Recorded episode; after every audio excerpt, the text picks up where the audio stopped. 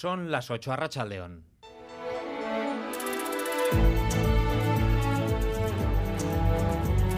En Radio Euskadi, Gambara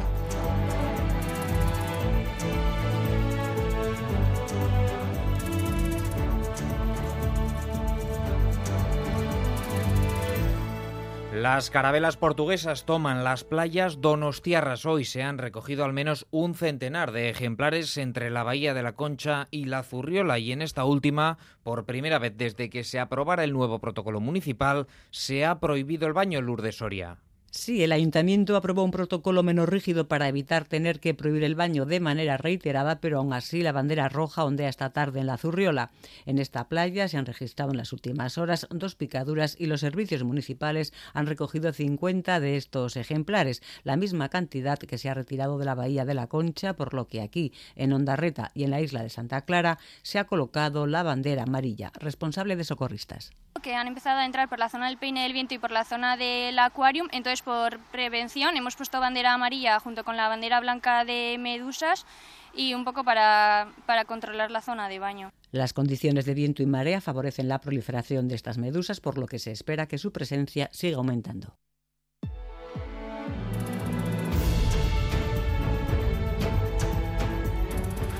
Primero fue en Zuya, en Araba. Las restricciones al consumo de agua llegarán ahora a Busturialdea, en Vizcaya. El consorcio solicita a los municipios de esta comarca que limiten el consumo de agua para limpieza de calles, regado de jardines, llenado de piscinas o lavado de vehículos. Pedro Barreiro es gerente del consorcio de aguas Bilbao-Vizcaya. La situación en principio está con relativa normalidad, pero bueno, como previsiblemente podamos entrar en una situación de un cierto periodo de sequía hasta final de mes, planteamos el que se hagan algunas medidas y sobre todo consejos para reducir el consumo de agua. El año está siendo mucho mejor que lo que era el año pasado. Y en Vitoria hoy tocaba hacer balance de las fiestas de la Blanca José Luis Fonseca. Decía la alcaldesa Maider Echevarría que las fiestas de la Blanca han mostrado la mejor versión y el mejor ambiente de la ciudad. Vitoria-Gasteiz ha vivido unas fiestas excelentes, intensas, multitudinarias, cálidas y participativas. Destacaba Echevarría que la bajada y la subida de Celedón han reunido alrededor de 60.000 personas y los conciertos congregaban a más de 110.000. Pero pese a que han sido, según la alcaldesa, unas fiestas tranquilas, Echevarría no quería obviar uno de los capítulos negativos que han dejado a su paso. Tenemos que lamentar tres agresiones machistas. Además, el Observatorio contra la LGTBI-fobia y Cusgune ha detectado dos casos de homofobia durante la Blanca.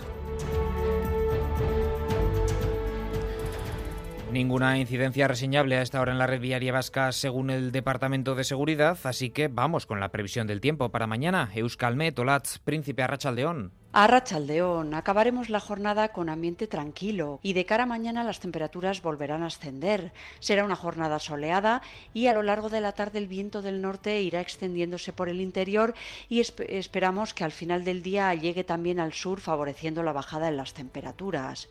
Por lo tanto, esta noche será tranquila y más fresca que la de ayer y mañana volverán a subir las temperaturas, sobre todo en el Valle del Ebro, donde se superarán los 35 grados. Y es tiempo ya para los titulares de la actualidad deportiva. Asier Medina, Arrachaldeón. Arrachaldeón, Osasuna ha alcanzado un acuerdo con el Betis para el traspaso de Raúl García de Aro. El acuerdo se ha cerrado por 6 millones de euros por el 65% de los derechos económicos del futbolista y contempla un máximo de 1,5 millones más en diferentes variables. El futbolista venía de hacerlo muy bien en el Mirandés el año pasado. Además, en el Atlético hoy hemos conocido lo que era un secreto a voces. Nico Serrano renueva con el Athletic hasta 2026 y se marcha cedido al Holandés, un escalón más abajo. En segunda repasaremos todo lo que ha dado de sí la presentación de Unai Vencedor y Conrad de la Fuente en el Eibar y la rueda de prensa de Aritz Mujica a menos de 24 horas de que la Morevieta redebute en segunda. En ciclismo, atentos al Mundial que se está celebrando en Glasgow y también atentos a lo que nos ha deparado la vuelta a Portugal. El ganador ha sido el venezolano Rubén Linares y Chomin Juaristi ha caído al cuarto puesto en la general. Y ya por último en remonte, Urriza ha caído ante Juan Enea por 23 a 30. Todo ello a las 8 y con Miguel Ortiz y Aitor González en el control técnico. Comenzamos.